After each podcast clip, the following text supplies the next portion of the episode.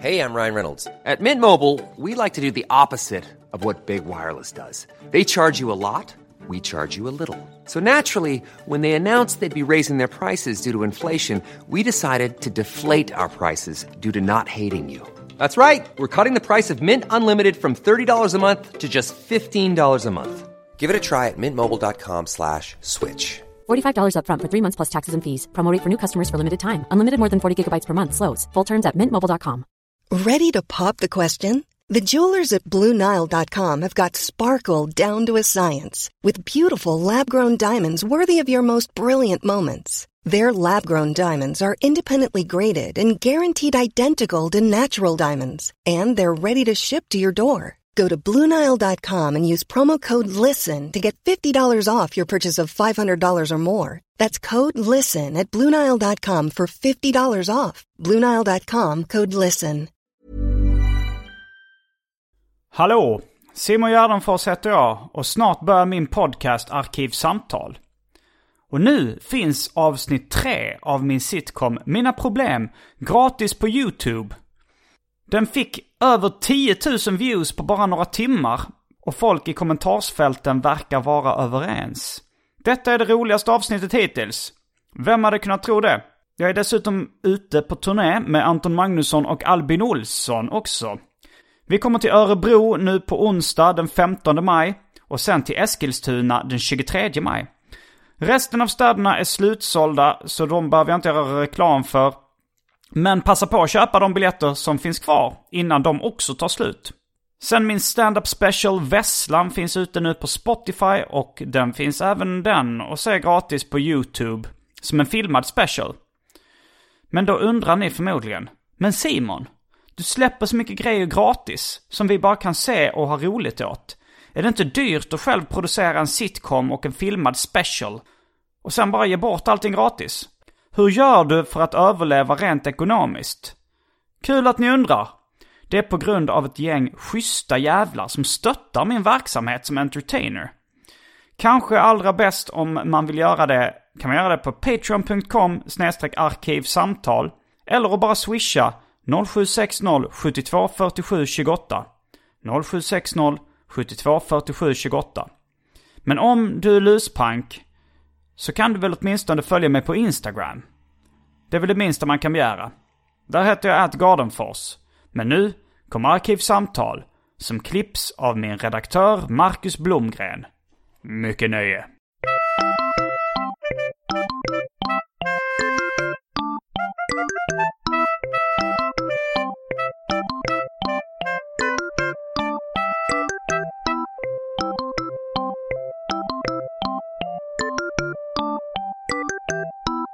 Hej och välkomna till Arkivsamtal. Jag heter Simon Gärdenfors och mitt emot mig sitter Johan Andreasson. Det stämmer. Vill du eh, presentera dig själv lite så, för, så lyssnarna vet vem du är? Ja, så det enklaste är väl att säga, jag, jag gör väl två saker egentligen. Dels så är jag tecknare. Jag tecknade jättemycket serier på 80-talet framförallt och början på 90-talet. Och det är via serierna som, som vi känner varandra. Vi, vi jobbade ju på samma redaktion ett tag. För jag var ett redaktör för serietidningar också. Ja, du var redaktör för MAD bland annat. Ja, så när jag var redaktör för Svenska MAD så var väl du och Mats Jonsson på samma redaktion och gjorde Megapyton om jag minns rätt. Mm, det stämmer. Vi satt till och med i samma rum och Ja, det, Men jag tror jag upptäckte... Första gången jag såg någonting som du hade gjort var nog i serietidningen Python. det kan mycket väl tänkas. För där frilansade jag, det var ju en norsk tidning egentligen, men den kom i Sverige också. Eh, och jag tecknade i Python några år runt 1990. Om jag ska gissa typ 89 och 90 och kanske fram till 94. Men ganska regelbundet då. Eh, när är du född? Bara så vi får lite perspektiv. Eh, jag är född eh, 1960. Och sen bara för att jag sitter i en podd så tänkte jag göra lite reklam för min egen podd. Eller en som jag medverkar regelbundet i. Att jag är med i en podd som heter Everdal och Karlssons Film TV. Som vi lägger ut varannan torsdag. Men du heter varken Everdal eller Karlsson. Nej, utan vi hade en förhoppning om, eftersom de är med i tv, att deras namn skulle locka sponsorer. Det visar sig inte ha fungerat, men vi har inte bytt namn på podden i alla fall. Vad är de med för tv-program? Eh, De är med i Go'kväll numera båda två Aha. och pratar om böcker och film. Och i en massa år så jobbade de på SVTs eh, morgon-tv och recenserade film. Det var sådär typ 15-20 år någonting. Så att folk är liksom vana vid att de snackar om film. Ja. Eh, jo men det var där lite jag hörde dig prata om eh, Shazam. Ja, det var väl ganska nyligen. Kan det varit någon må- Ja, vi recenserade ju filmen när Ja. den gick upp för någon månad sedan. Ja det har ju släppts en, eh, en ny eh, högbudgetfilm får man väl säga som heter Shazam. En Hollywoodfilm då med, med en superhjälte i huvudrollen. Eh, och den här superhjälten har jag varit ett fan av sen eh, jag var ett litet barn. Jag är ju inte då lika tidigt. Jag upptäckte den i, alldeles i början på eh, 80-talet när serien eh, började återtryckas. Jag, jag tog till och med med den boken där jag läste den första gången. Det är en, Är det en bok från 80-talet? Ja, den kom 81 den här boken. Och det var precis när jag hade kommit igång på allvar och eh, teckna serier. Så att eh, den blev, eller den här ska jag säga, och flera andra serier i den. Den här boken blev väldigt viktig för mig. Jag använde den nästan som en handbok i hur man tecknar serier. Comic Book Comics heter Ja, den och alltså. alltså Smithsonian Institution, det är lite grann ungefär som USAs nationalmuseum. Mm, var fick du den här boken ifrån då? Alltså jag köpte den antingen på postorder eller... Nej vänta, det fanns inte seriebutiker i Sverige då. Så att jag rimligtvis på postorder på något Okej, sätt. Kan men ha hur varit... fick du, bläddrade du i gamla postorderkata- eller postorderkataloger för nysläppta böcker eller vad? Ja, alltså det fanns ju folk som sålde, alltså innan det fanns seriebutiker så fanns det ju folk som sålde eh, privat. Horst Schröder var ju en av dem. Det här Mm. kan mycket väl vara en sån bok. Hos Schröder, den gamla legendariska serieförläggaren. Ja, som det precis. Finns. Eh, Han medverkar i ett avsnitt av Snedtänkt som jag kan rekommendera. Ja, det är väldigt, Väldigt kul. spännande historia Ja. eh, bakom hans liv. Och, och Horst var en av mina allra första eh, uppdragsgivare också. Att jag, var, jag var med eh, ja, precis i starten när han först gav ut seriealbum och sen serietidningar som ja, Epix och Pox och Elixir som hade svenska serier. Och det var framför allt när jag ritade i Elixir, speciellt i en serie som hette Fascistligan där jag verkligen hade det, ja, de här tecknarna, alltså C.C. Beck och även eh, en, en annan serie här eh, som heter Little Lulu som också blev en jättestor Ja, influens för den, mig. eh, den eh, tecknarstilen tyckte jag också var jättecool. Ja. Jag vet inte vem som eh, var tecknaren bakom. Alltså det var, det var flera stycken, men Mm. den, den, den som tecknade oftast eh, hette Irving Tripp. Och det var han som hade den här supertajta Mm. stilen. Eh, nästan lite Lisa och Sluggo-aktig. Som ja, ju är det högsta på... ja, idealet Lisa man kan ha. ja, Ernie Bushmills Lisa Ja. Sluggo. Det, Ja. det är även det jag har strävat efter i alla år. Jo. Av, efter en år. Men eh, vi, ska, vi ska ta det här med Shazam från början lite mer. Eh, men eh, innan dess måste vi fukta oralerna. Eh, och det har blivit dags för det omåttligt populära inslaget eh, Välj drycken.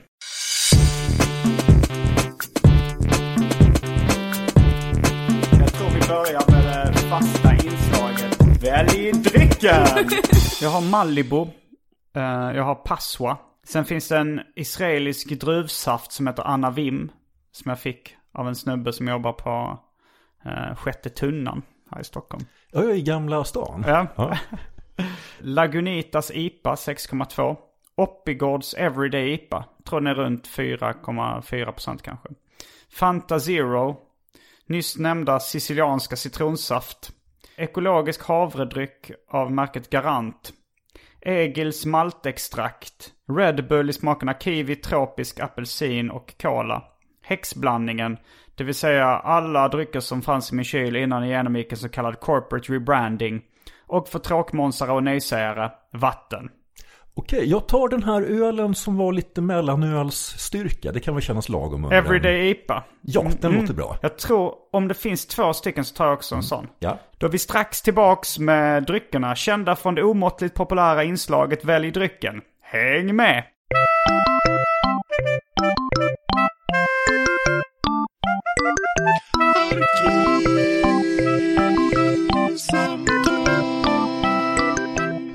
Då är vi tillbaks med varsin Oppigårds Everyday IPA. Men nu till eh, veckans huvudämne, Shazam.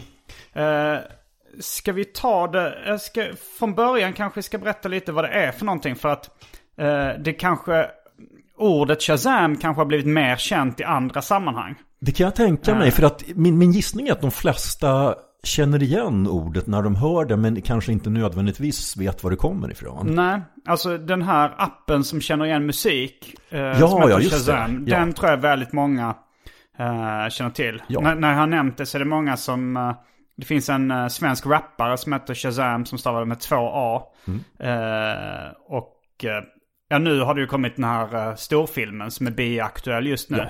Eh, och därifrån känner folk också igen det. Men jag tror att ordet eh, skapades då i, där, när uh, superhjälten skapades. Ja, det, det tror jag också. Jag har inte eh, forskat eh, jättegrundigt men jag har ändå läst på eh, så pass mycket inför Mm. det här att man skulle ha stött på om det var ett begrepp som existerade tidigare. För det liksom ordet används ungefär som abrakadabra. Ja. Eh, genom åren. Men, men då...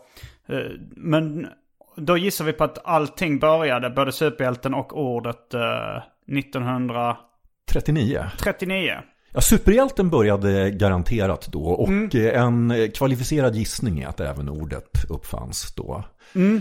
Och eh, det intressanta är ju att superhjälten från början hette Captain Marvel. Ja, eh, alltså ska man ta det... Det är väldigt förvirrande. Ja, och alltså, om, om jag ska förvirra det ännu mer så har jag för mig att han alldeles i början hette Captain Thunder och att de hade lite svårt att komma på ett namn. Så att Ja, det var någon ja. som kallade honom för Captain Thunder och då satt de och textade, man handtextade ju serien då, så att de textade hela serien. Sen var det någon som kom, men ska ni inte heta Captain Ma- Marvelous? Ja, Captain Marvelous låter bra. Sen, ja men vi, vi kortar, vi tar Captain Marvel och då hade de det. Så fick de liksom texta om hela första numret. Och det här var långt innan eh, Marvel Comics. Ja, det stämmer. Det, det förlaget fanns inte då. Och om det fanns så hette det Timely Comics. Men jag undrar om ens Timely fanns på den tiden. Men jag undrar då, eftersom Captain Marvel eh, på 50-talet var enormt stor.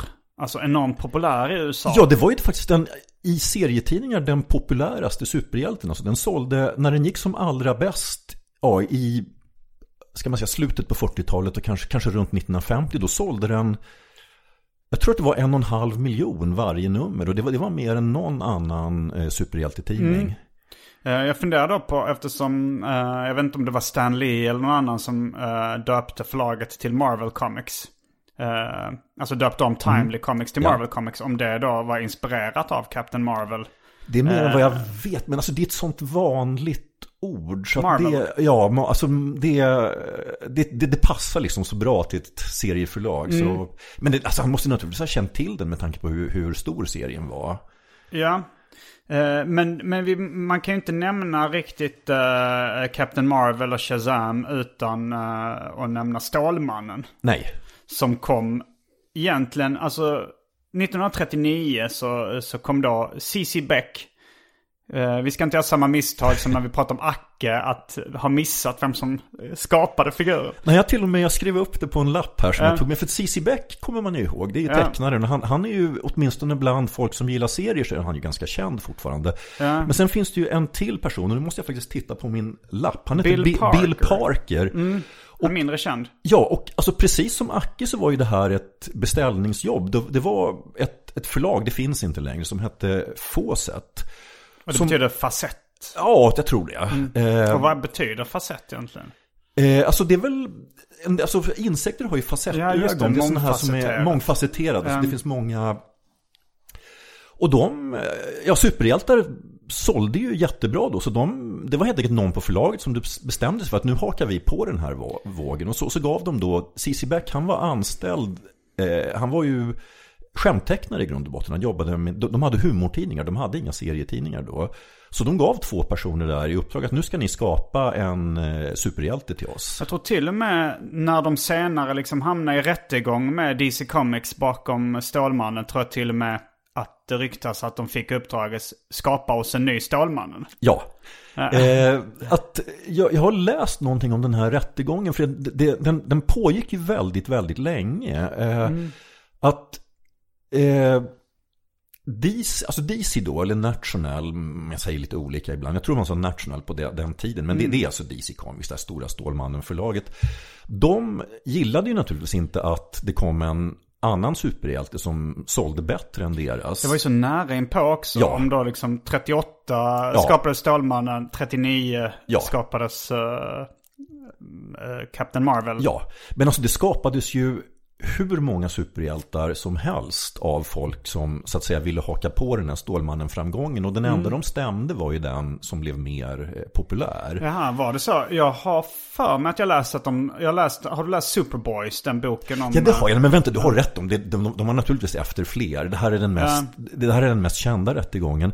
Och jag, Jag tror det kan vara många också som kanske inte tog det till rätten. Att de bara la ner sin... När de liksom ett litet förlag eller någon lit, Ja. då, då blev hotade med stämning så Ja. Backade de direkt. Medan kanske Ja. Facet eh, hade lite mer muskler och, och tog det till rättegång i alla fall. Jo, nej men det har, det har du helt rätt i. Det, det, det är jag som har glömt de här eh, andra grejerna.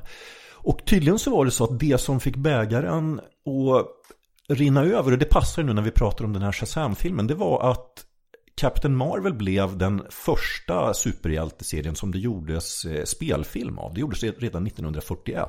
Okej, blev det en långfilm då? Nej, eller? inte långfilm, utan det är, en, det är en episodfilm. Det är 12 avsnitt som är ja, ungefär 15 minuter långa var. Jag tror jag har dem på... Oj, här har jag... Jag har dels den tecknade Captain Marvel-filmen, Ja. en piratkopia. Men sen... eh, är det den här? Ja, jag tror det. Det, det är ett annat äh, omslag än min DVD-utgåva. Ja, men... för det här, jag köpte den här på eh, WonderCon i, i San Francisco. Eh, kanske 2006 eller någonting. Det var, det, då var liksom...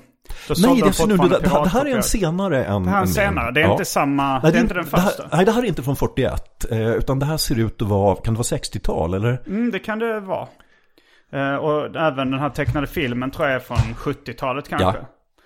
Men, eh, men, men det kom en alltså, var den svartvit? Ja, det var den. Eh, och, 12 avsnitt bara. 12 avsnitt. Och just den här har så vitt jag vet aldrig visats på svensk tv. Däremot, alltså, när, jag var barn på 70-talet så, så visades sånt här. Jag, de som jag gillade Aha. speciellt mycket var Blixt Gordon. De, var- de var Mm. från 30-talet. Där kördes väl på typ sommarlov om jag ska gissa. Eh, och det, är- det är väldigt eh, alltså korta avsnitt, eh, otroligt mycket handling, eh, ofta rätt osannolik. Och så är det alltid en cliffhanger i slutet. Mm. Man tror alltid att Blixt Gordon har dött. Och så visar det sig, alltså reser han sig och borstar av armbågen och så hade han en hemlig stråle eller något som man eh, räddade honom. Jag har för mig jag läst om det eller hört om det att eh, de till och med antog att nu har det gått en vecka så folk har glömt vad som Ja. har hänt. Att det kunde vara så att han trillade ner från klippan och sen så liksom veckan senare så hänger han fortfarande och lyckas Ja. häva sig upp. Jo. att, Ja, så det här är ju före tvs tid så att de visades, det var matinéer för barn och som du säger så släpptes det väl Ja, kanske ett avsnitt i veckan eller något sånt Okej. där. Men du och... såg det på bio eller? Nej, jag du såg, det jag såg alltså Blixt Gordon såg jag på tv, Mm. på svensk tv och eh, Captain Marvel köpte jag faktiskt på DVD när jag fick höra talas om att den fanns. Och när var det? Det är inte alls länge sedan jag köpte den, eh, ja definitivt på 2000-talet i alla fall. Aha, okej. Eh, den finns på Blu-ray numera också. Mm. Var den Eh, bra? jag tycker den är rätt kul. jag ska också säga att om, för den är ju public domain nu, så att om någon blir nyfiken, det finns en helt okej version som ligger på YouTube. Men, men, figur, men filmen är public domain men inte, men inte eh, figuren? Nej, det tror jag, det kan den inte. Alltså det här juridiska läget kring Mm. Captain Marvel och Shazam är så komplicerat att jag ska inte... Men- Men det, de säger att filmen är public domain och den har legat i ganska god kvalitet så länge på YouTube att om någon hade haft rättigheterna så hade de nog tagit bort den. Mm. Eh, men själva superhjälten Shazam, då, han är då...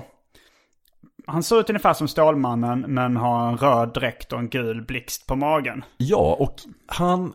Det var en sak som tecknaren C.C. Beck var väldigt noga med. Att han, han ville att, den, att figuren skulle vara något mindre heroisk än Stålmannen. Att han skulle kännas...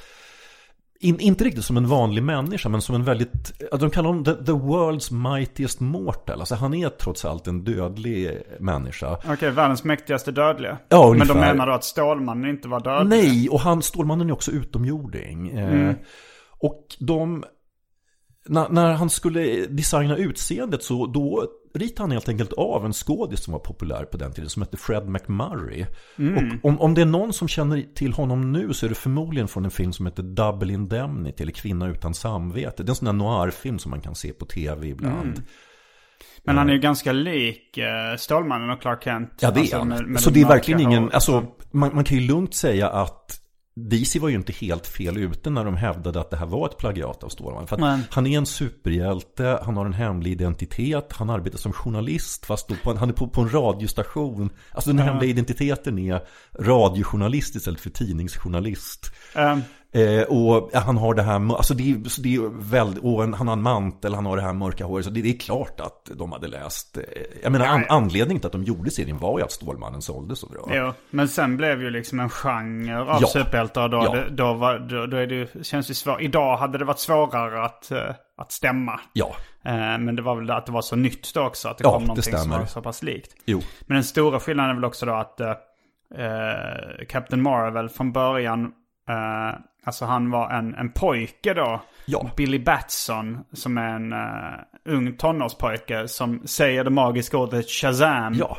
Och förvandlas till liksom den fullvuxna muskulösa superhjälten Captain Marvel. Ja, och det, det är ju en sak, för att filmen är faktiskt ganska trogen serien, men det är ju en sak som de har ändrat. För att i serien så, så är det ju det här två, de har så att säga varsin personlighet. Att när Billy Batson är sig själv, då är han ju en 14-årig kille. Ja. Men Captain Marvel har ju så att säga sin egen personlighet som vuxen, medan filmen, Shazam i filmen då, han har ju fortfarande 14-åringen i sig på något sätt. Ja, just det. De uh, hisspitchen uh, till den filmen har jag hört att det skulle vara Big som superhjälte. Ja. Alltså Tom Hanks-filmen Ja. Big där det är en, en pojke då som uh, blir i en vuxen mans kropp. Ja.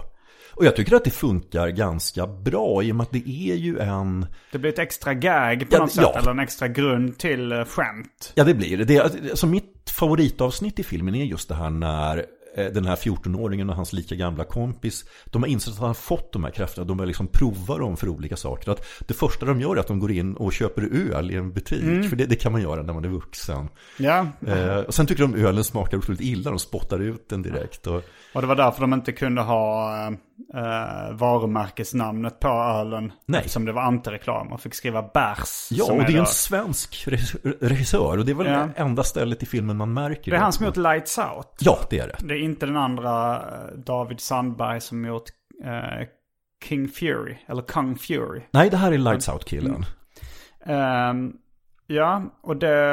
ja, Jag, jag tyckte filmen var underhållande. Ja, jag håller Eh, med Eh, och ehm, det verkar vara, ha gått rätt bra för den.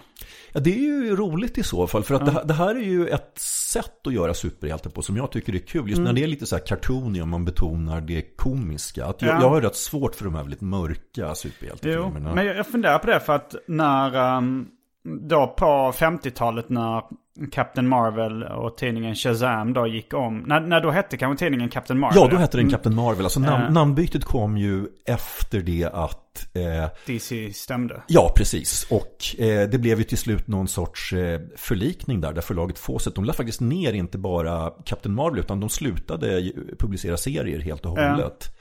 Och eh, nej men jag tänkte att då eh, på 50-talet så var ju då Captain Marvel större än Stålmannen. Eller sålde mer i alla Ja. fall.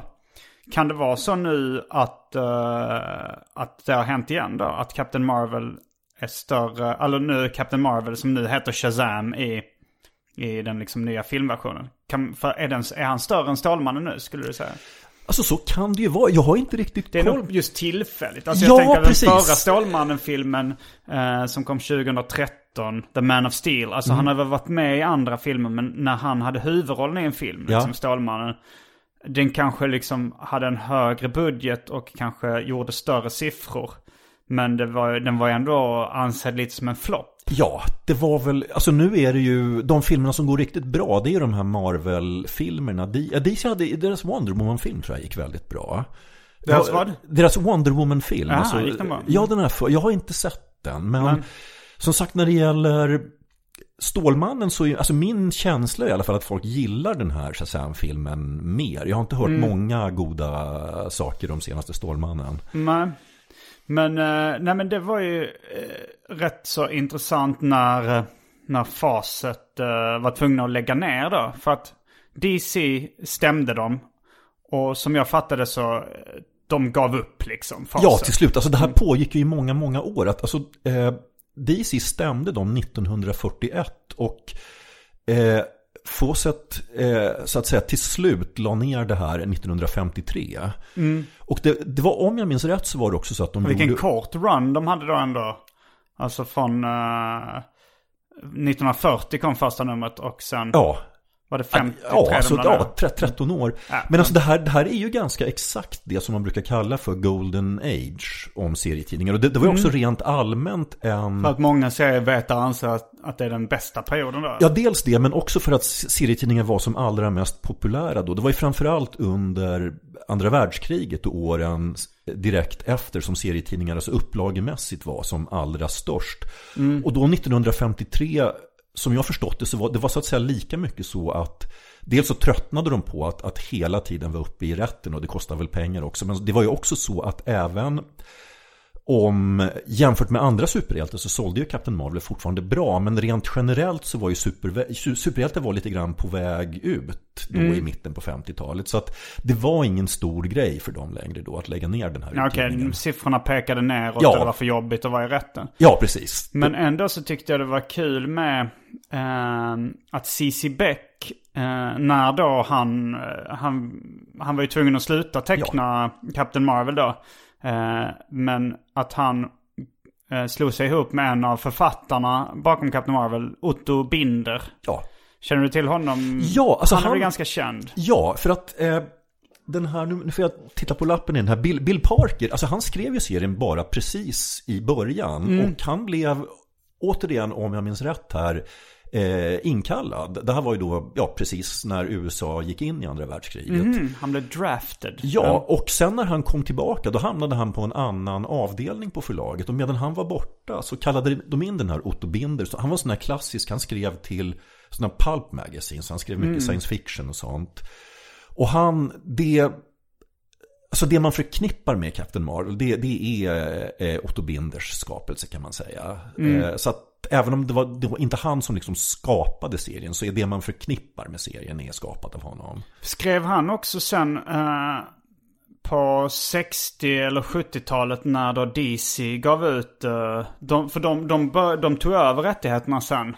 Liksom, det var väl, det kanske ingick i förlikningen att de fick rättigheterna till seriefiguren. D- där är jag lite osäker, men, men just när det gäller Otto Binder så är det så att eh, de hade ju väldigt koll på DC, att det var han Alltså, naturligtvis teckningarna också, men att det var väldigt mycket Otto Binders eh, idéer och förmåga som manusförfattare. Så att så fort de hade lyckats få eh, Fawcett att lägga ner Captain Marvel, då köpte DC över Otto Binder och satte honom på att skriva Stålmannen. Just det, han, Eh. han, han hade väl kommit på Stålflickan och Ja, lite och andra. så här, ensamhetens fort. Alltså många sådana Mm. saker som man tänker på. Jag tror att det var han som hittade på Stålhunden också. Det, det känns som en Otto Binder-idé. Ja, det krävs i och för sig ett minimum av fantasi när man har hittat på. Liksom, för att äh, även i Shazam så, både i filmen och serietidningen så finns det ju, det är rätt konstigt för de börjar direkt bara att det kommer massa andra superhjältar med ungefär likadana dräkter, ungefär samma superkrafter. Det är Mary Marvel, eh, som är då hans, han hamnar på ett fosterhem så det är hans liksom Ja. icke-biologiska syskon då. Eh, som blir också superhjältar. Det är Mary Marvel, Captain Marvel Jr. Och de lägger till lite extra. I, i serietidningen finns det då farbror Marvel som är en gammal gubbe Ja. utan superkrafter. Som bara tror att han är superhjälte. Ja, och är det inte han som ser ut lite grann som den där gamle komikern W.C. Fields med den här runda näsan? Jo, jag, jag har rätt dålig koll på W.C. Fields. Men jag, jag vill... Jag, jag har hört talas om att han ska vara liksom en, uh, en föregrundsgestalt inom så här rå humor. Ja, sannerligen. Eh, och jag har hört att det finns en dokumentär om honom, om honom som jag letat efter men inte hittat. Ah, den dokumentären har jag inte sett. Däremot, även med Fields så är det så att man kan hitta en hel del på YouTube om man bara vill få ett smakprov. Jag kan speciellt rekommendera en kortfilm, den är kanske, vad kan det vara, 15-20 minuter lång, som heter That Fatal Glass of Beer. Jaha. Eh, Så, och gillar man inte den så är Fields inte, då, då det hade inte liksom just din kopp av te. Men, Körde han stand-up? Nej, han var, han, jo, alltså det kan man kanske, Alltså han var ju varietéartist från början, han var i grund och botten jonglör. Och han drog ju skämt så att säga när han uppträdde. Så man kan väl kanske säga att, men alltså begreppet stand-up fanns väl inte på 20 och 30-talet riktigt. Du kan säkert stand-upens historia bättre än vad jag kan. Ja, det kanske inte kallades stand-up comedy då i alla fall. Men, Men han- men, han- det har ju funnits ja. liksom i Ja. olika, i musicalformer liksom. Ja. Där, de, när de skämtade mellan eh, numren Ja. och det liksom på gamla judiska bröllop så fanns det liksom någon sorts stand-up komiker som, som var konferencier där också liksom. Så att, men, så det har ju, det är en uråldrig historia. Ja, Men, men, eh, alltså det Fields gjorde på scen, att han, han jonglerade och drog skämt. Så då, man kan nog säga att han gjorde stand-up. Eh, men jag skulle komma in på det, för när de la ner serietidningen eh, Captain Marvel så CC Beck och eh, Otto Binder de försökte då göra succé med en ny superhjälte. Som jag också gillar väldigt mycket. Eh, som då, de, de skulle göra en superhjälte som, som serietidningen heter Fat Man the Human Flying Saucer. Det, det är ett fantastiskt namn och jag, jag hörde det här första gången i din podd faktiskt. När Jaha. du pratade med Johan Wanlo. Så att i, innan jag gick hit idag så kollade jag om det fanns någonting på nätet man kunde läsa. Och det finns faktiskt. Mm. Det finns eh, tre nummer. Så att jag har åtminstone skummat dem. Den ser ju väldigt kul ut. Ja, jag, jag köpte de eh, tre numren på liksom en amerikansk seriemässa. Det var nog Comic Con till och med. Jag Ja. fick tag i något nummer. Fick, eh, det, jag har nog aldrig betalt så mycket för en serietidning. Vilket var 50 dollar. Eh, eh, ja, det är väl 400 spänn kanske. Ja. Men, eh, Ja, det, är en, det är en del. Var, var det per nummer eller för alla tre? Ja, per nummer. Ja, ja, Eller ja. jag tror det var något nummer då som de... De, de var, de, eh, spoiler alert, så floppade serietidningen något enormt. Ja, det, det kan man kan gissa om, om det bara kom ut i tre nummer. Ja. Och det var ju så att försäljningssiffrorna kom så himla sent då. Så att de var ju tvungna att liksom börja göra nummer tre. Eh, det, jag tror nummer tre var ju klart då när, när, de, kom, när de katastrofala försäljningssiffrorna kom. Det, jag tror det har kallats en av de största flopparna i, i seriehistorien. det Men sen så var, det, det här var väl också ett ganska litet förlag. Eller åtminstone ett Ja. förlag så här lite vid sidan av. Lightning Comics tror jag det hette. Ja. För det var nog, det var säkert då Cissi Beck och Otto Binder som startade det för att kunna ge ut Ja. Fatman the Human Flying Saucer. Men, eh, och det var väl förmodligen då så att kanske de hade gjort klart ett nummer, fick försäljningssiffrorna, eh, gav nog ut det sista numret då i en extremt liten upplaga. Bara så ah, vi kanske kan Mm. Ja. mjölka ut några kronor ur den men och det är förmodligen därför att det är så liten upplaga varför den kostade så pass mycket ändå. Ja, jag skulle, det, det, det kan jag, min, min gissning är att den är ganska sällsynt. N- när vi är inne på det här, alltså det var också en grej som, som jag stötte på nu när jag för, förberedde mig för det här. Så när DC började stämma Fawcett så de lyckades ju inte stoppa utgivningen av serietidningen utan den fortsatte och gick hur bra som helst. Däremot så lyckades de eh, skrämma, de var mycket effektivare med folk som tillverkade leksaker och prylar och sånt där. Så att eh, tydligen så är det enormt sällsynt och jättedyrt med så leksaker och sånt med Captain Marvel från 40-talet. Att har man eh, något sånt eh, hemma, vilket man antagligen inte har, så, så har man en ganska bra slant. Men det kom ut en bok eh, designad av eh, och författad också i viss mån av Chip Kidd. Ja, ja, han Om, gillar eh, ju gamla serier. Ja, Ja. eh, vi har nämnt honom för som en av de största stjärnorna inom bokformgivning Jo, i den här podden. Men, eh, men jag, jag, var på någon slags, det var nog också på någon seriemässa då Chip Kidd skulle prata om den här boken. Med Cap- om Captain Marvel. Och eh, då berättade han om, om för de hittade till slut, det, det var typ en, en eh, docka av en kanin Marvel.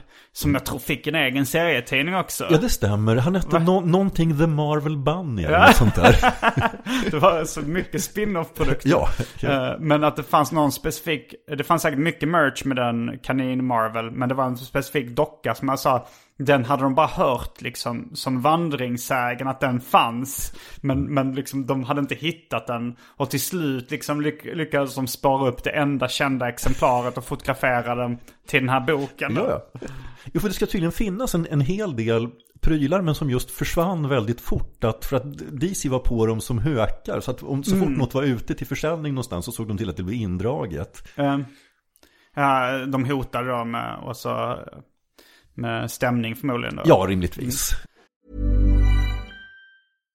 Hey Dave. Yeah, Randy. Since we founded Bombus, we've always said our socks, underwear, and t-shirts are super soft. Any new ideas? Maybe sublimely soft. Or disgustingly cozy? Wait, what? I got it. Bombus. Absurdly comfortable essentials for yourself And for those facing homelessness. because one purchased equals one donated. Wow, did we just write an ad? Yes. Bombas. Big comfort for everyone. Go to bombas.com slash ACAST and use code ACAST for 20% off your first purchase. Life is full of what ifs. Some awesome, like what if AI could fold your laundry? And some, well, less awesome, like what if you have unexpected medical costs? United Healthcare can help get you covered with Health Protector Guard fixed indemnity insurance plans. They supplement your primary plan to help you manage out of pocket costs. No deductibles, no enrollment periods, and especially no more what ifs. Visit uh1.com to find the Health Protector Guard plan for you.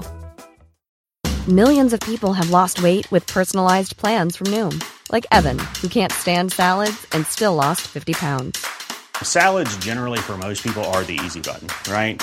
For me, that wasn't an option. I never really was a salad guy. That's just not who I am. But Noom worked for me. Get your personalized plan today at Noom.com. Real Noom user compensated to provide their story. In four weeks, the typical Noom user can expect to lose one to two pounds per week. Individual results may vary. Uh, nej men den här Fat Man the Human Flying Saucer, det var då de försökte göra, de försökte göra en ny grej då. Den enda superhjälten med tre identiteter. Okej, jag, jag såg bara den korpulente mannen och flygande tefartet. Vilken är den tredje? Eh, det är då superhjälten Fat Man. Ah, Eh, som ser ut som eh, Captain Marvel. Men han har en grön dräkt med, med gula skor och handskar. Eller gula detaljer på liksom. Eh, och även i filmen då. Så, så finns det då en, eh, en tjock pojke bland de här fosterhemsbarnen. ja just det. Som också blir superhjälte. Och jag tror det är en hyllning till Fat Man the Human Flying Saucer. För de har gett honom de färgerna. Ah, Eh, han har samma färg, grön och gul då på sin dräkt. ja ja. Uh, ja, för men det- det, det, är en väldigt bisarr serie den här uh, Fat Man the Human Flying Saucer. För när, det handlar om en tjock man som bor hemma hos sina föräldrar. Samlar på Kasperdockor, alltså handdockor. Och han eh, odlar exotiska växter. Okej. Det är hans liksom intressen. Ja. Och så är han miljonär. ah, Eh, och sen eh, får han då, eh, när han är ute och promenerar någon gång så, eh, så kommer det då en rymdvarelse eh, i ett flygande tefat. Som håller på att störta.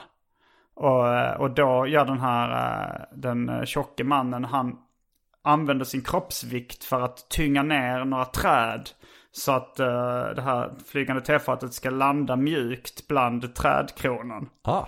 Och då kommer den här rymdvarelsen ut eh, och, eh, och säger till Van Crawford, tror jag den heter, den, uh, den, den tjocke mannen, säger så här. Tack för att du räddade oss, eller räddade mig.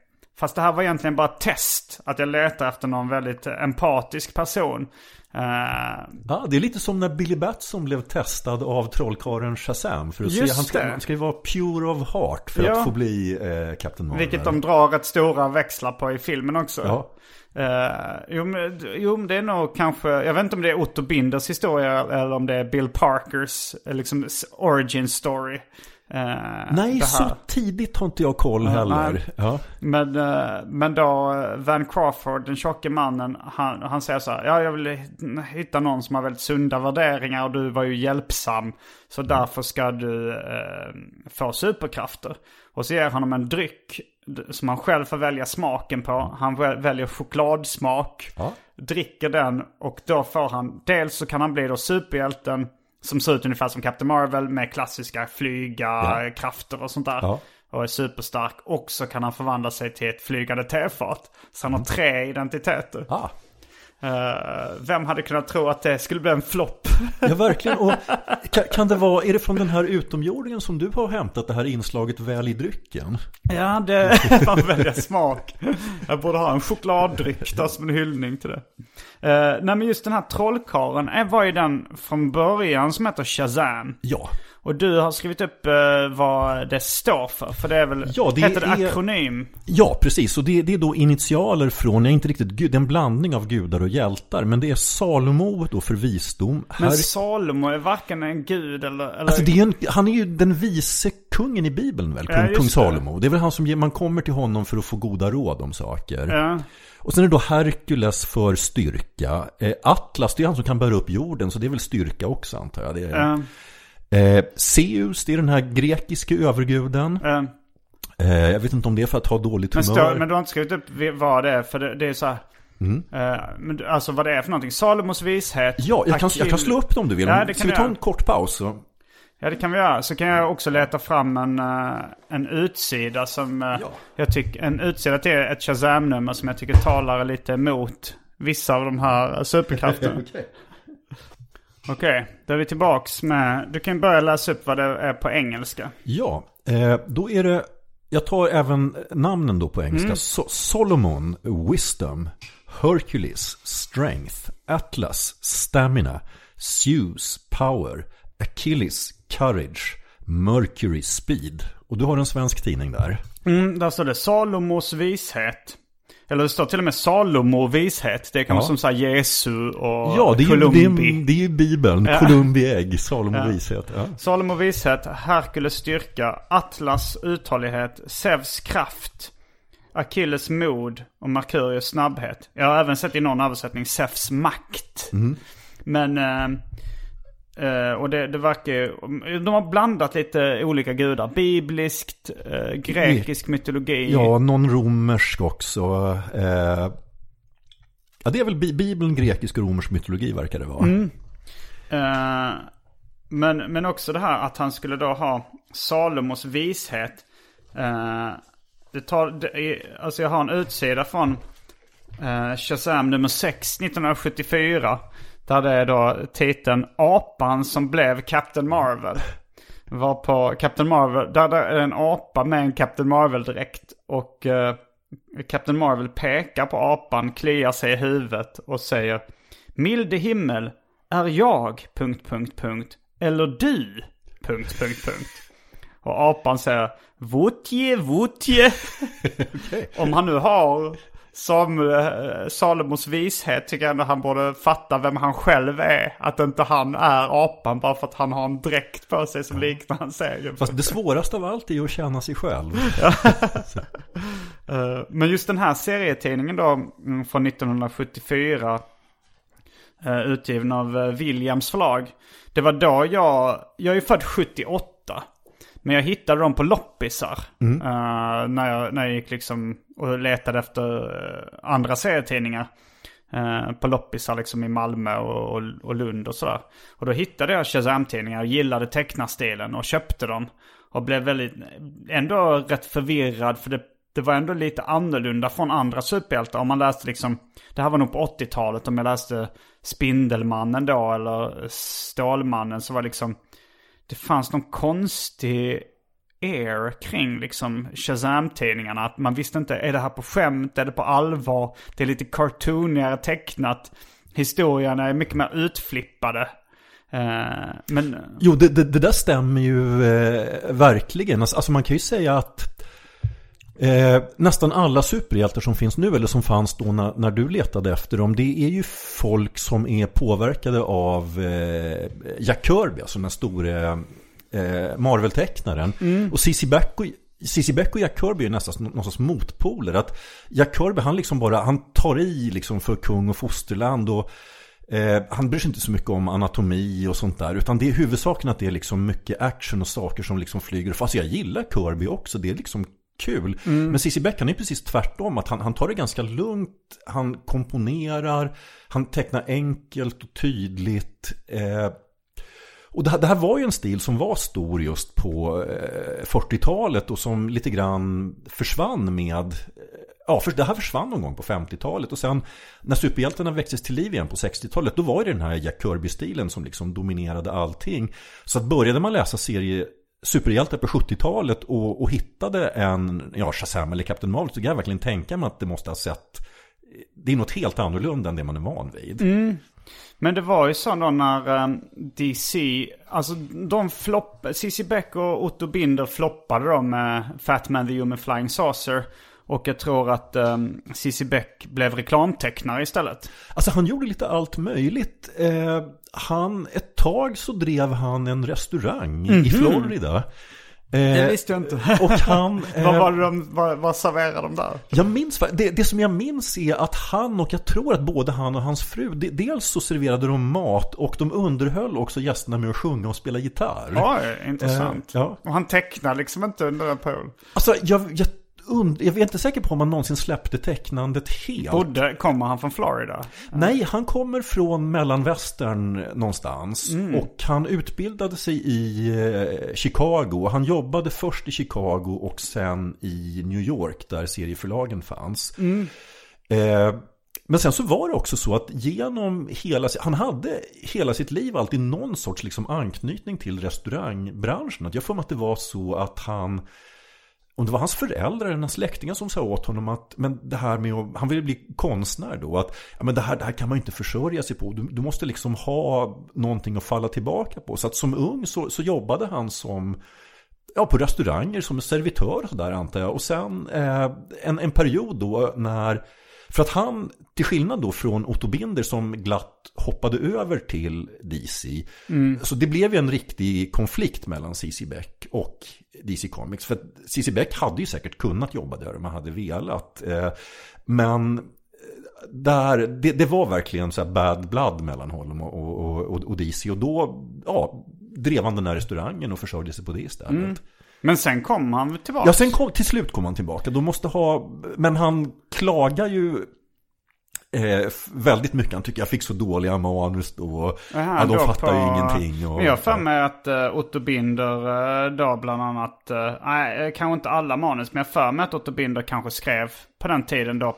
Var det 60-talet de liksom gav ut, DC gav ut tidningen Shazam som sen gavs ut i Sverige ja, på... Ja, det, måste väl ha dragit, jag kan inte säga åren jag, jag kan ju den äldre historien bättre, men min gissning är att det är en 60-tals revival mm. som hamnade i Sverige på 70-talet. Jo, men jag tror det var så för att det var, ja men det kanske liksom var igång fortfarande i USA när den släpptes i Sverige, men, men då var det en revival och då, då gjorde de liksom en, en lite annorlunda backstory om att så här, var har han varit under alla dessa år, Captain Marvel? Så mm. gjorde de att han hade varit någon slags limbo ute i rymden och svävat runt. Mm. Liksom sen 50-talet och sen kommer tillbaks då på 60-talet. Uh, eh, så första, första avsnittet så är då uh, Billy Batson kommer tillbaks också till jorden. Och känner inte igen sig i liksom den här hippiekulturen ah. och, och discoeran och sånt där. ja, ja. Var är Benny Goodman? uh, så, så det blev liksom ännu en eh, sån här fish out of water komedi-aktig grej. Att han, att han inte bara är en pojke som kan mm. bli en vuxen man utan han är även från fel tidsålder liksom. okay. uh, och det var ju här, det var ju de scenerna som, där jag lärde känna Captain Marvel. Eh, och Shazam. Men, och, och, och då, jag läste om den tiden att CC Beck, han hade, då var det väl lite yngre folk som jobbade på DC. Ja, det kan jag tänka mig. Och när de skulle, när de skulle återuppliva den så, så liksom testade de kanske lite andra tecknare först. Men så ville de fan, det, det, var inte, det blev inte riktigt lika snyggt som de gamla Captain Marvel. Så då ringde de upp CC Beck och fick med honom på båten. Och ja, jag har ju sett de här liksom riktigt gamla, mm. hur C.C. Beck tecknade på 40 och 50-talet. Ja. Jag tycker att han var bättre som uh, på 60-70-talet. Uh, eh, då var han ju förmodligen i pensionsålder. Jag tror han var uh, i 60-årsåldern då. Ja, det var han. Han var, han var runt 30 när han skapade eh, Captain Marvel. Så att, om man är 30 1940, då är man ju... Eh, Ja, då, då är man 60 1970 så. Mm. Uh, och, och den, men han har, då, då har han ännu liksom, man märker att han har mer erfarenhet. Men det är också, det är ganska stelt på ett schysst sätt Mm. Ja, tycker ja. jag. För det är Ja. liksom, om Kirby då liksom uh, siktar på dramatiska teckningar, expressionistiska, så Mm. är liksom, det, det är ju som du sa att de är två sidor av samma mynt eller liksom våra sina motpoler. Att det, det är så, det är stelt och det är slickt på något så här. Ja. Och, och cartoonigt samtidigt Ja. som gör det så, så jag tycker Cissi Beck är eh, topp tre bästa tecknarna som någonsin levt. Ja, jag, jag är bö- böjd att hålla med dig. Han är oerhört bra för att alltså, det som är så tilltalande med hans stil det är ju dels då det här att det, det är just så rent. Att han, han är ju oerhört bra på att komponera bilder. Så att kombinationen av det och att det också är så kul. Ja. Eh, och det, det är någonting ganska unikt och det ser väldigt det ser väldigt enkelt ut men det, ja, vi har ju säkert båda två provat att teckna så här och Absolut. det är verkligen inte lätt. Nej, det är jättesvårt. Eh, Speciellt, det, det går ju att rita av men att Ja. försöka komponera egna figurer. Ja, nej, eh, det, det, så. är, det, det, det är verkligen inte lätt. Eh, Det, det gäller att... Och så han var ju också till... Alltså väldigt många eh, tecknare i den här tidiga superhjältegenerationen var ju så att säga helt självlärda. Det var ju ofta liksom eh, tonåringar som... Eh, så var det ju med de som skapade Stålmannen. De, Mm. eh, de, de, det gjorde de när de gick ungefär motsvarande på gymnasiet och sen fick de hålla på. Men Cissi Beck, han, han hade en ganska grundlig, han hade gått på Chicago Institute of Fine Arts. Så han, han hade liksom en, en, en, en utbildning som konstnär och som illustratör i botten. Och han hade tecknat, jobbat med eh, skämtteckningar i ganska många år innan han började eh, teckna serier. Så att han, han kom till det från ett annat håll. Och han, han hade också väldigt svårt för de här mer expressiva superhjältetecknarna. Han tyckte att de, liksom kompositionen är ju helt värdelös. Och det, det ska bara vara en massa flashiga perspektiv. Det här är ju liksom, Jag gillar hans gubbiga hållning ja, ja. också. Men jag läste att han skrev liksom någon, han skrev artiklar också i Comics Journal. ja, det stämmer. Eh, och då skrev han om det så här att eh, the golden age of comics, det är när man själv är 14.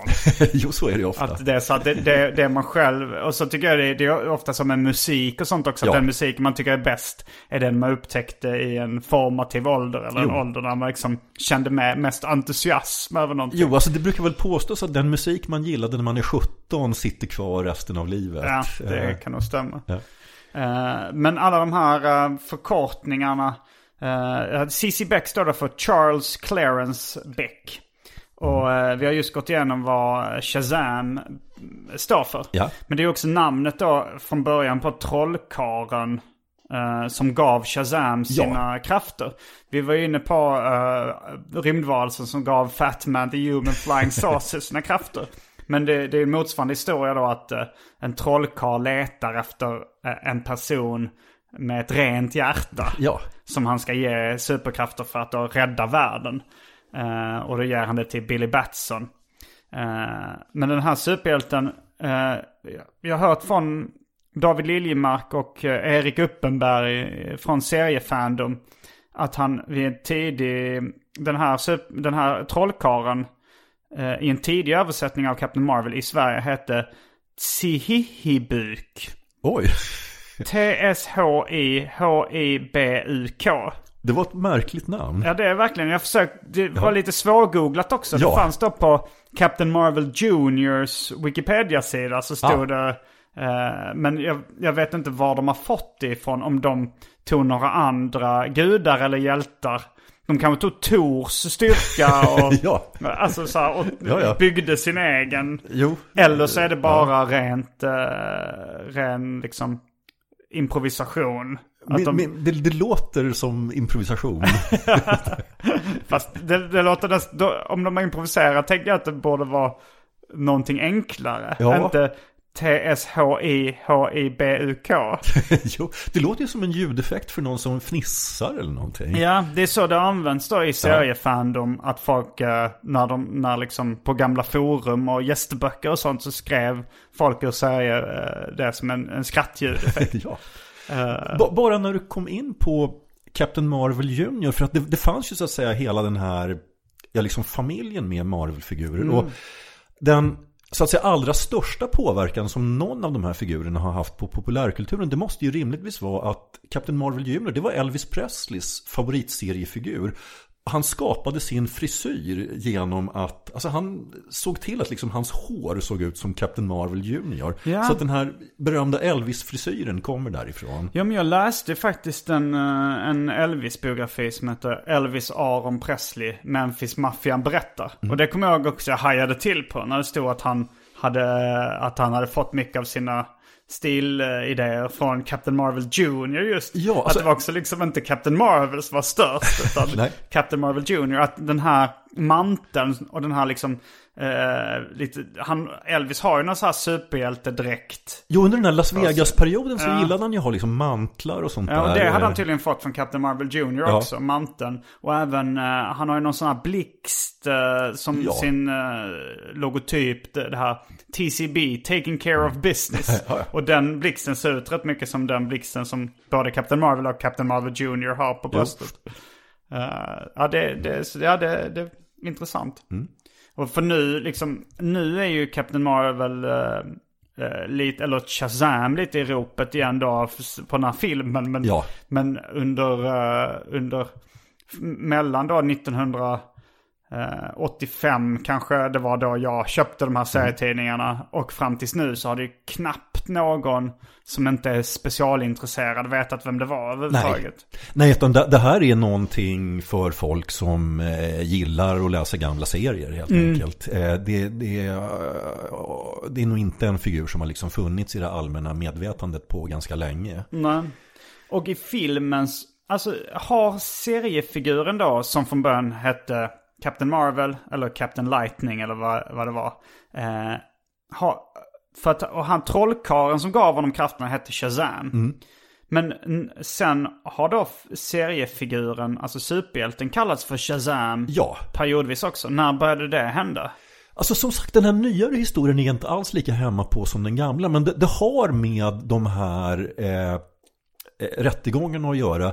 Och eh, nu, nu sitter jag lite grann och gissar här. Men jag tror att det var när DC eh, åter, återtog utgivningen så, hade, så var det någon annan som ägde uttrycket Captain Marvel. Det kan ju helt enkelt ha varit så att då fanns ju Marvel Comics och var Mm. ett stort förlag. Det kan ju ha varit så att de på något sätt varumärkesskyddat Jo, men de gjorde ju Marvel. en superhjälte som hette Captain Marvel också. Alltså Ja, Marvel. det där, det där är väldigt förvirrat. Plus att det går ju också två filmer alltså, Parallellt, parallellt. ja. Både Shazam då med den gamle Captain Marvel Mm. och så en Captain Marvel med den nya Captain Marvel. Och som nu är den nya Captain Marvel en kvinna. Ja, Men jag minns när Captain Marvel från Marvel Comics kom så var det en man. Ja, den har väl funnits i alla möjliga inkarnationer. Det har väl funnits Mm. ett antal olika Captain Marvel hos Marvel just. Jaha, ja. Ja, Eh, att den, den här i filmen, det är ju hon som är lite grann som en sån här testpilot. Typ någon sån här som blev, hon är typ en kvinnlig Chuck Yeager ungefär. En av de där tidiga testflygarna liksom i astronaut. Och så de har haft en del andra, men som sagt här, jag ska inte säga för för här, här är jag så att säga ute på lite tunn is när jag talar om senare års utveckling. Inte ens vi som liksom har ägnat vårt, våra liv åt det här Ja. har koll på liksom namn. Nej, det, det, det, det, det, är en, väldigt krånglig historia. Att, alltså, den, den som är specialintresserad kan ju gå till Wikipedia och man får ägna några timmar åt det för att Ja, reda jo, ut det. på svenska Wikipedia finns det inte mycket om Nej, det. Eh, och på amerikanska finns det lite mer, men... eh, men det var svårt. Och sen så liksom har de gjort en grej i filmen av att inte namnge superhjälten. Nej, precis. Att han, han säger, jag, jag vet inte, vad, eller vad, vad, vad ska jag heta är en stor Ja. fråga. Och det, det är naturligtvis, eh, Och de kallar dem lite olika Ja. grejer. Dock aldrig Captain Marvel. nej. Och de kallar nog aldrig honom Shazam heller. Nej, det filmen. tror jag inte att de gör. Eh, Men jag har läst någonstans att han kallades Shazam i vissa sammanhang. Men i serietidningen då som jag, eh, som jag köpte då på, när jag var på 80-talet, som är från 70-talet, då Mm. hette tidningen Shazam, men figuren hette Captain Marvel i Ja, så han, han fick heta det i tidningen? Mm, Ah, han hette i okej. tidningen. Ja. Men jag kommer ihåg när jag hörde den här eh, samtalet med, med Chip Kid när de gav ut Shazam-boken. Då fick inte liksom boktiteln heta Captain Marvel. Nej. Då fick den heta Shazam. Eh, de, de fick ju skriva då Captain Marvel i den eh, bara som ren för att inte hi- historien skulle bli helt Ja, förvanskad. ja. Men, Eh, men, det- men det har varit en känslig, känslig fråga verkar det vara. Jo, alltså det, alltså det har ju just med tanke på att det var en sån utdragen rättsprocess. Eh, det var också en sån en grej som jag liksom stötte på in, inför det här. Att figuren har ju då återupplivats ett, ett antal gånger. Och vid, vid något tillfälle då så, nej, men kan vi verkligen... Kan, kan vi liksom, vi, vi, vi har ju trots allt förlorat rättigheterna en gång. Alltså kan vi göra serier med den här figuren? Ja, ja, det kan ni göra. Men han får inte vara journalist, för det var Stålmannen. Så, så det, så det finns en massa olika resonemang. Ja just det, ja. Billy Batson då som eh, hans hemliga identitet. Han som privatperson heter. Han är ju inte journalist i eh, den spelfilmen som kom nyss. Nej. Och det kan möjligen vara en sån, någon, någon sorts eftersläpning från rättegången också. Men han var det i, jag, jag kollade lite på den här tecknade filmen som jag har på piratkopierad DVD. Där var han journalist. eh, Ja. Eller television reporter har de Ah. då ändrat det till i den här. Ja, ja. Som väl Clark Kent också var på 80-talet. Aha, han de, de moderniserade det lite grann. Så han flyttade från Daily Globe till någon tv-station. Eh, ja, men det är, jag tycker det är, det är lite mer logiskt att, mm, att Billy Batson kan ha en hemlig identitet. eh, eftersom han ser ut som ett barn Ja. som privatperson eh, och vuxen som superhjälte. Än då Stålmannen och Clark Kent som där är skillnaden frisyren och glasögonen och kroppshållningen tror jag också. De Ja, han är väl möjligen lite hukande Eh, som Clark Kent. Eh, men, eh, men Prince Adam och uh, He-Man som jag också växte upp med. Där är det ju ingen skillnad på ansiktet. Han tar Nej. inte ens på glasögon och sånt. Det är Okej, exakt det det är samma. slappt. och det är ändå ingen som känner igen. Som, Ja. man ser ändå musklerna på båda liksom. Ja, ja. Är väldigt avtecknade. Men där tycker jag det är imponerande att ingen har avslöjat hans hemliga identitet. Nej. Det är bara att hans närmsta vänner känner till, känner till det. Och, Ja, och nästan alla som har sett mycket gammal Hollywoodfilm vet ju att det räcker ju med, det här gäller kanske mest kvinnliga skådespelare, att det räcker ju med att ta av sig glasögonen. Men du är ju jättevacker. Just det. De liksom, jag har ändrat ut, det är en helt annan person. Ja, det är ju även så här 80-talskomedier och sånt Ja. där. När de gör så makeovers. Ja, på- det räcker med, man har kommit långt bara att ta av sig glasögonen. Eh, men en superskurken eh, som jag, alltså Dr. Zivana. Ja, det är den klassiska Captain Marvel-skurken. Ja, kom han eh, innan eller efter eh, Lex Luthor? För Eh, båda eh, var ju flintskalliga ja, vetenskapsmän Jag som tror att han kom efter och det här också var en punkt de tryckte på under kopia, rättegången ja. att titta superhjälte, eh, mantel, mörkt hår, journalist, eh, flintskallig skurk. Det, det här liknar vår En galen tidning. vetenskapsman, Galen, ja. ve- ja. Eh, Men, men sen ballar de ur lite på superskurkarna ännu mer i, i Shazam då. Det fanns ju en liten mask. eh, Ja, som väl är med alldeles i slutet på filmen också. Som heter, han heter Mr. Mind. Mr. Mind ja. Mm. Eh, han, han, var, han var med mycket i de här serietidningarna jag läste från 70-talet. Ja, Eh, och han var med redan tidigt. Att det Mm. finns... För att även om De Captain antydde Marvel... lite att nästa film, om det blir en uppföljare till Shazam-filmen så skulle den då, Mr. Mind vara skurken Mm. Ja, det kan man väl Alltså det var lite sig. så här nästan, alltså när filmen var helt slut. Ja, ja. Så dök han upp i Ja, fängelset jo, hos eh, Lex Luthor. Och han är en liten mask som kan styra andra med hjälp av tankekraft. Ja, och i serien så har han liksom en högtalare i, i en kedja runt halsen. Eller ett snöre runt halsen. Och det är där hans röst kommer ifrån. Eller den är, ja. de, de har väl bara löst så här, hur kan man höra vad en liten Ja. mask säger? En larv eller vad det är. Nå, I den gamla serietidningen så var han ju ledare för ett liksom helt syndikat av superskurkar som hette The Monster Society of Evil. Jag, jag minns inte om Captain Nazi var med där eller om han så att säga bara fungerade i utkanten bara. Men det här tror jag du har berättat om innan. Vem var Captain Nazi? Alltså, det, alltså superhjältarna var ju som allra störst under andra världskriget så att alla superhjältarna slogs ju mot eh, nazister. Och det var då eh, en av ganska många skurkar som Captain Marvel slogs mot, hette Captain Nazi. Och han figurerar i början, för det, det var alltså... Det är väl Black Adam? Alltså i början av filmen tänker du Nej, på? nej, nej, utan det här är i eh, serietidningen. Och eh, alltså det, det finns en, ett ganska långt sammanhang som alltså pågick i lång, lång tid i serietidningen. Och det här tror jag var en innovation. När de, alltså nu är man ju liksom van vid att serier i superhjältetidningar lite grann som såpoperor, att de bara fortsatte. Men jag tror att det här var första gången någon gjorde det. Det, är då någon gång på 40-talet så är det en lång, lång svit av historier där Captain Marvel just bekämpar eh, The Monster Society of Evil. Och det här är en bok, jag hade tänkt ta med den idag och, jag, jag hittar den inte helt enkelt hemma. Det kan ha försvunnit i någon flytt eller så. Men det jag minns är att den börjar i alla fall med, den här Captain Nazi är med alldeles i början. Men sen är det då eh, Mr. Mind som liksom tar över och skapar det här stora syndikatet av superskurkar. Där det är liksom en lång intrig då där Captain Marvel bekämpar dem. Och det är ett otroligt kul äventyr. Jag, så jag, det skulle verkligen inte vara ovälkommet om de baserar nästa film på det. Nej, det hade varit intressant. Men, men, men det här liksom riktigt bizarra med, för man kan ju säga en av uh, bifigurerna i, i Shazam-tidningen var Taki Tani, den talande tigern. Som ser väldigt mycket ut som uh, Tony Tiger från Fling, Frostis-flingorna. Ja, Eh, jo. alltså så han, då kom det in en sån väldigt cartoonig karaktär. Jo. Och, det är väl, och, och den här liksom utsidan där Captain Marvel-apan är med.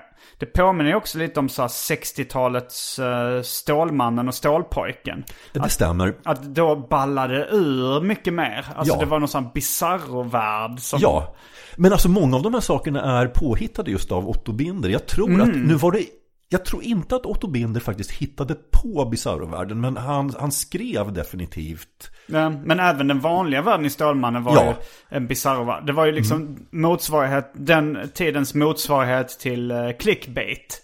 Att det var Mm. Ja, ja, utsidorna på, ja. Att de ofta kanske så här Jo. bestämde vad utsidorna på serietidningen skulle vara innan innehållet. Det är så här, Stålmannen varför har du gröna ögon Ja. och är nere i en uh, skål med guldfiskar. Ja. Nu, nu det har nog inte hänt, men det skulle Nej, kunna vara en ja. utsida till 60-talet. Absolut. Stålmannen. Jo. Och sen så liksom får då manusförfattaren hitta på en förklaring till det. Ja. det är de, de mest bisarra. Eh, och, och inte riktigt så var det i, liksom, i Otto Binder eller liksom de här gamla Shazam-tidningarna från 60-talet. Men det var mycket sådana här liksom, nu är hela, nu sitter de och äter gelé på någon, något fik. Och sen så blir hela ta, staden täckt i någon slags jordgubbsgelé. Jo. Och här kommer grönsakerna från Mars eller från någon planet och liksom som är så här olika levande grönsaker. Så, så det var väldigt utflippade stories. Jo, jo de, de var väldigt förtjusta i sånt. De, alltså, lite, återigen lite grann gissning, men jag tror absolut att det finns så att säga en påverkan från Captain Marvel till den här 60-tals Stålmannen. Och sen också när du nämner den här eh, tigern, för att han, det, det fanns också en, en ganska lång fas. När, alltså, en superhjälte ska liksom alltid ha en, en sidekick. Att eh, Stålmannen har eh, Jimmy Olsen. Och de hade ganska svårt att hitta en fungerande sidekick till eh, Captain Marvel Captain. Jr var väl en sidekick? Ja, lite grann. Eh, men, han, men han var ju också, han, han är ju mer stålpojken egentligen. Eh, så de provade lite olika och en, en sak som jag kommer ihåg var att ett tag så provade de en Kom Stålpojken före Captain Marvel Jr? Det borde Ja, det, han det tror jag, Ja. alltså min gissning är att allt det här, för att de hade ju trots allt lite grann på fötterna i den här rättegången. Men ett, ett problem de stötte på med sina sidekicks var att ett, de, de fick för sig då på förlaget att vi ska locka svarta läsare. Så då tog de in en, en På svart... Shazam. Ja, i, alltså, i ga, gamla Captain Marvel då Mm. på 40-talet. Och den är ju då med våra ögon, jag tror även med den tidens ögon, verkligen så här superrasistisk. Och det slutade med att det, det kom en demonstrationståg eh, med svarta... Det landade fel. Ja, deras till förlaget som sa att nu, vi står här tills ni lägger av med det här. Då, då, nej, vi, Men de gjorde det för att locka svarta läsare. Ja, ja, så, men då sa att det här, det här liksom, det här, någonting gick fel här. Och då, då hittade de på den här talande tigern. Han, han blev populär. Så att Ja, okej, där hittade ja. de liksom en, och han hängde med rätt länge sen. Ja, men det, det måste jag kolla upp. Jag har inte sett den här svarta sidekicken. Som, eh, men det, det var då en stereotyp Ja, det ja, var en, afroamerikan eller? Som jag förstår det en grov eh, stereotyp. Som liksom talade jättekonstigt och sådär. Eh, en av mina favoritbikaraktärer i, i Captain Marvel och Shazam-tidningen var Sonny Sparkle, världens snällaste pojke. Okej, honom kände inte jag till. Nej, han kanske dök upp på den Ja, här då. ja. Eh, men det, det är en pojke som är så snäll att, eh, alla vill ge honom allt de äger när de Ah. träffar honom. Och han är tecknad väldigt, hade tecknat på sånt skojigt sätt att han ser väldigt snäll ut också. Men jag kommer ihåg att jag och min brorsa läste de tidningarna redan som barn så tyckte vi att det var så här lite orealistiskt och hånade eh, de på samma sätt som man kunde håna liksom s- det här Batman med Adam West. Och, Ja, ja. För det, Men i, i vuxen ålder fattade jag att det var väldigt ironiskt. eh, det här Batman i alla fall. Jag har fortfarande inte förstått om, om eh, 70-60-tals Shazam var ironiskt eller om det var... Nej. eller om de gjorde det på allvar liksom. Men, men det var liksom så här, det, det kom fram tanter och gubbar till Sunny Sparkle och sa Åh vilken snäll pojke, här ta min kappa. Och så fick han olika grejer. Men att de såg att han var så snäll så de gav honom. Eh, mm. Ja, vi ehm, borde börja avrunda här för att hålla oss inom Arkivsamtals tidsramar. Okej. Ja. Det är inget eh, du har missat i din... eh, Nej, jag tycker nog vi har täckt de viktigaste grejerna. Eh, och jag kan väl bara uppmana folk att låta det här, för det, det, det är absolut inte svårt att hitta eh, serien Captain Marvel eller, eller Shazam från olika perioder. De eh, återtrycks lite då och då. Eh, så ja, gå in på ja, Amazon eller Bokus eller något sånt där och, och, och eh, se till att det är CC Beck som har tecknat bara. Ja, det, det är det viktigaste. Ja. Och, ehm, och jag, min favorit är då de, ja, faktiskt de svenska tidningarna från 74-75. Jag, jag, jag är ju så van vid det liksom. Ja. Så jag vill, ha, jag, vill, jag vill att de ska säga snäll pojke. Nice kan ju, är mer mångtydigt. Att Ja. kan säga att Ja. verkar... Ja, eh, det var allt från veckans arkivsamtal. Jag heter Simon Gärdenfors. Jag heter Johan Andreasson. Fullbordat samtal.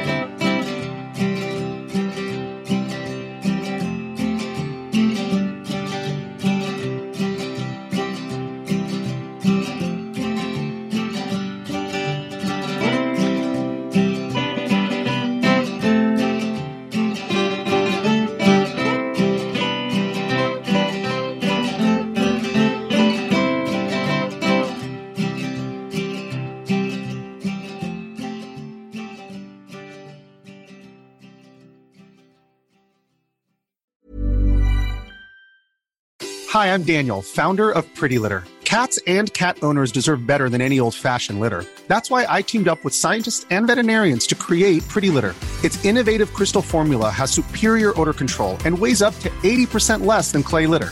Pretty Litter even monitors health by changing colors to help detect early signs of potential illness. It's the world's smartest kitty litter.